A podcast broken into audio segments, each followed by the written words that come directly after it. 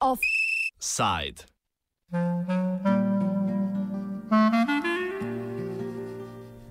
Nazaj v planinski raj.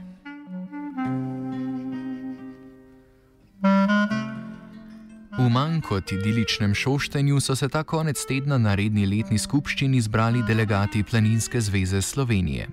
Zveza, ki letos obeležuje 125 let obstoja, je krovna organizacija za 285 planinskih društev. Njene glavne aktivnosti so izobraževanje, ozaveščanje, vzdrževanje planinskih poti in planinskih koč ter zatočišč. 145 delegatov in delegatk je na sončno soboto, poleg formalnosti, kot je potrditev letnih finančnih poročil, izvolilo novo vodstvo.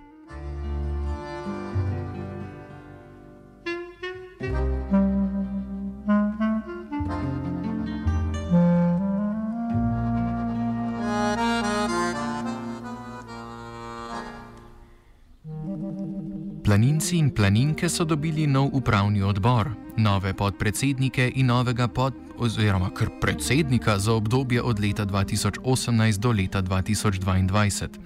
To je skoraj da soglasno podporo postal Jože Rovan, ki je kot gorski stražar, planinski vodnik, markacist in turnokolesarski vodnik že desetletje opet v delo zveze. Je tudi nekdani podpredsednik planinskega društva Ljubljana Matica. Zaposlen je kot profesor na Ljubljanski ekonomski fakulteti. V današnjem offsajdu smo se z njim pogovarjali o načrtih za prihodnost in trenutnem stanju enega nosilcev nacionalnega ponosa. Rovan najprej oceni trenutno stanje. No, jaz ocenjujem, da, sem, da je Planinska zveza Slovenije v dobrem stanju na precej področjih. V zadnjih letih smo se zelo posodobili, imamo elektronsko poslovanje tako znotraj samega kolektiva delovne skupnosti, potem z društvi. Počasi gremo naprej tudi z navezavo na kadrih, skratka, vse skušam, skušamo dati na te moderne osnove. To je eno. Drugo, preselili smo se v nove prostore, kar je zelo pomembno za delo, ker smo bili v starih prostorih utesnjeni, zdaj je pa to čisto drugače. Tudi ni več problem dostopa, parkirišče je družbeni delavci lahko pridejo, blago lahko prpeljemo, odpeljemo. Skratka, kar se teh stvari tiče, smo, smo naredili velik korak naprej. Če gledam delovanje društev, moram reči, da večinoma dobro funkcionirajo, čeprav se moramo zavedati, da mi delamo na prostovoljskih osnovah, kar pomeni, da so zmeraj neka nihanja, včasih gre hitro gor, pa gre tudi malo dol, pa spet gor.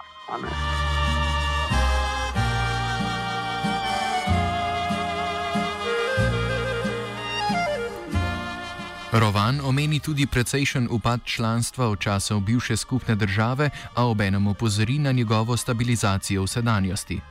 Število članov nam je iz davnih časov, ko, ne, ko nas je bilo celo 105 tisoč, še v prejšnji državi, počasi padalo, ustavili smo se nekje na že pod 55 tisoč, zdaj je pa stvar stabilna, oziroma zadnje tri leta celo spet rastemo.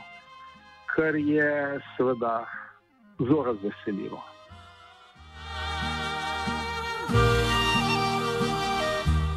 Prvi med planinci opozori na dve glavni problematiki. Obe sta povezani s pomankanjem denarja.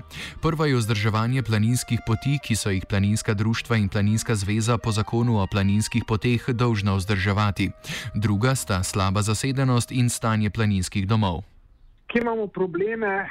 Gotovo vzdrževanje planinskih koč. Um, te koče so, če gledamo ležišča, slabo izkoriščene. Zakaj?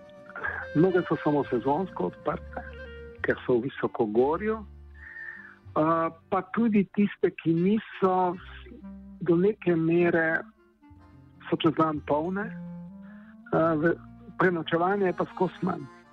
Tempo življenja se je tako spremenil, da na ture, ki smo šli včasih za dva dni, hodimo za en dan, oprema je boljša, bolj smo pripravljeni. Torej moramo nekako prepričati ljudi, da s tem, ko gre v hribe, samo za en dan zamudijo tisto najlepše, jutro in večer. Potem še večji problem so naše planinske poti. 10 tisoč km jih je, to je največji športni objekt v Sloveniji.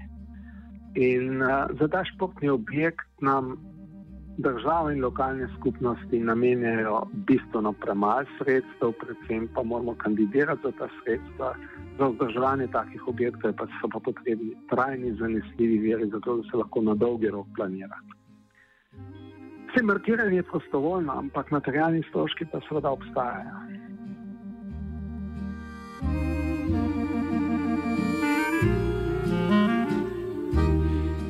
Pri problematiki koč ima sicer planinska zveza bolj malo vpliva.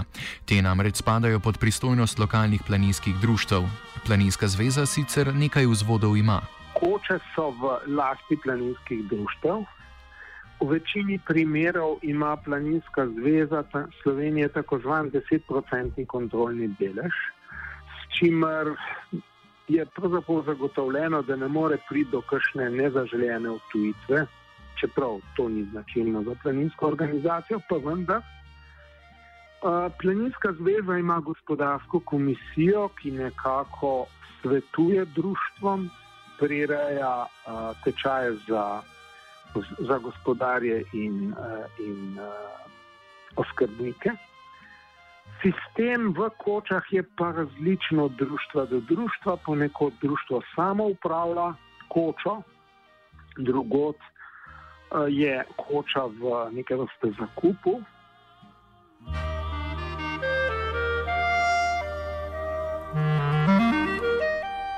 Pot do stabilnega urejanja planinskih poti je bolj strma in z manj markacijami.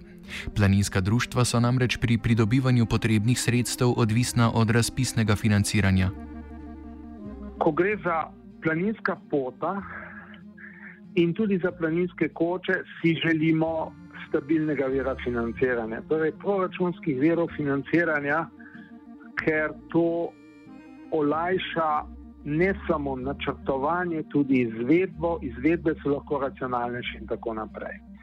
Pred leti, tega je zdaj že več kot deset let, je bil sprejet zakon o planinskih poteh, ki je planinski zvezi naložil številne naloge v zvezi s potmi, uh, ni pa predvidel financiranja.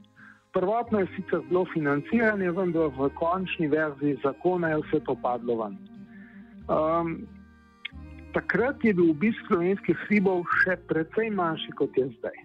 Torej so se stvari še zaostrile in zato si želimo nekih stabilnih verov financiranja. Moramo se zavedati nečesa.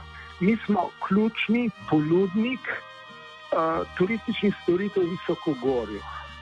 Ne samo naše koče ampak vsa ta ogromna mreža poti, za katero skrbimo, je izkoriščena strani turističnega gospodarstva. Zato pričakujemo, da bomo iz teh verov dobili sredstva za vzdrževanje vse te mreže. Trenutno se je zgodila še sprememba pri turistični taksi.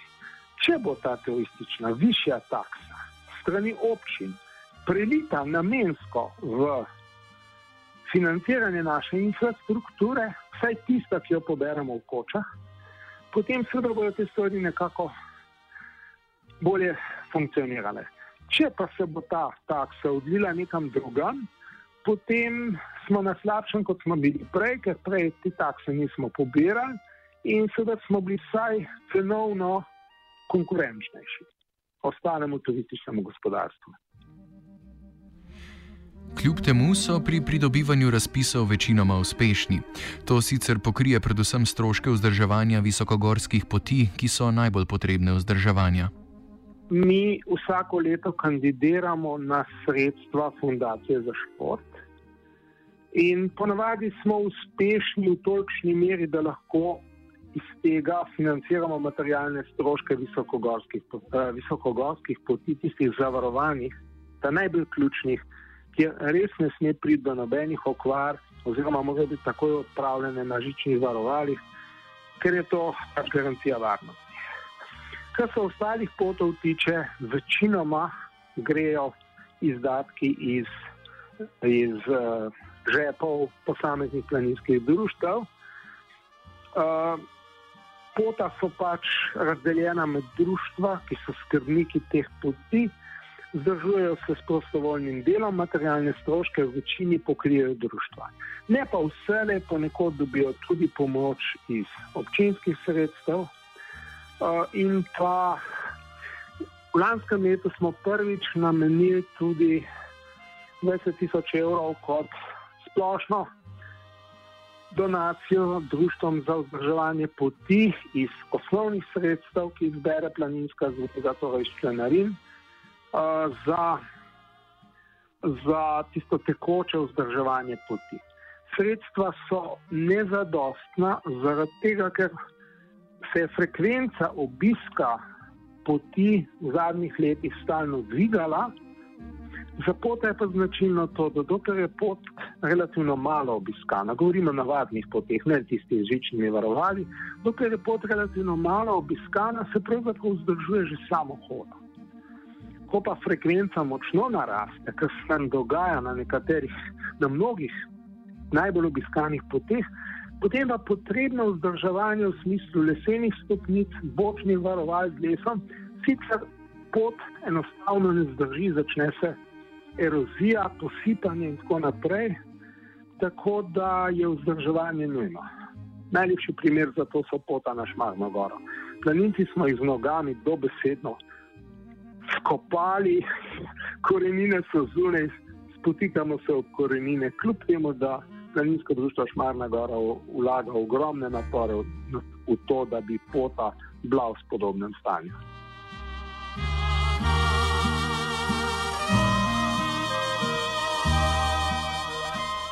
Obisk v gorah se v zadnjih letih povečuje, več prometa, slabše poti. Boljše urejene poti pa gotovo pomenijo več obiska. Kako v tej situaciji najti ravnovesje med posegi v naravo in pravico vsakega, da najde gorski mir? Pot, načeloma, je boljša rešitev kot da poti ni. Predstavljajte si, da skozi dolino sedmerih triglavskih jezer ne bi bilo poti. Ljudje bi hodili levo in desno in na to doline bi počasi ne ostalo tisto, kar je danes. V tem smislu pot na nek način naravo varuje. Vendar po drugi strani te visoke frekvence seveda postajajo problem. Odpira se recimo vprašanje prostega dostopa v Triglavski narodni park. Um, s anketami, ki jih je park naredil, so bila neka, zbrana nekatera mnenja ljudi. Uh, v kakšno smer bodo šle stvari, je težko reči. Mi si na Planinski zvezi že dolgo prizadevamo, da bi nekako ljudem, ljudi prepričali, da ni zanimivo samo tisto najbolj obiskano visokogorje, da ne rečem trilo. Želeli bi jih razpršiti Marsikaj smo zato naredili, recimo vse te obhodnice so že nek korak v tem smislu, ker ljudi stimulirajo, da grejo tudi tja, ne samo na Trigla, ampak tudi v Kamniške, v Karavanke in lepo je tudi Zasavu na tistih zasavskih gričih. Kakorkoli obračamo, to razpršitev je težko dosegati, do neke mere uspevamo, morda k temu nekaj prispeva tudi razvoj turnega kolesarstva v okviru Planinske zveze Slovenije, ker je kolesarjem zanimiva tako kot vsa Slovenija. Medtem ko smo včasih, vsaj nekateri, ki smo bili še bistveno mlajši, tičali samo v najvišjih vrhovih Julice in Kamničke. Drug problem so Alpske doline. Um, na zahodu v Alpah opažamo, da se Alpske doline zapirajo in da v njih vzpostavljajo režim javnega prometa v času visoke sezone, v času nizke sezone pa so doline običajno odprte, ker bi bilo javni transport organizirati neracionalno in na ta način s tem kompromisom dosegajo, da je, da je ta polucija, ki jo izvaja motorni promet, čim manjša. To je dober ukrep, mislim, da nas prej slej čaka. Dolina Vrat bi bila lahko prvi kandidat za to. Seveda, še več, ali pa veliko bi pa pomenilo tudi, če bi v dolino potegnili asfalt, ker bi bilo manj hrupa in manj prahu. Kar je pa seveda vezano na precejšnje stroške. To sta recimo dva ukrepa, ki sta možna. Uh, Seveda si pa še vedno želimo, da ljudje hodijo v naravo in, uh, ne, in da ni njihov osnovni sobotni šport obisk BTC.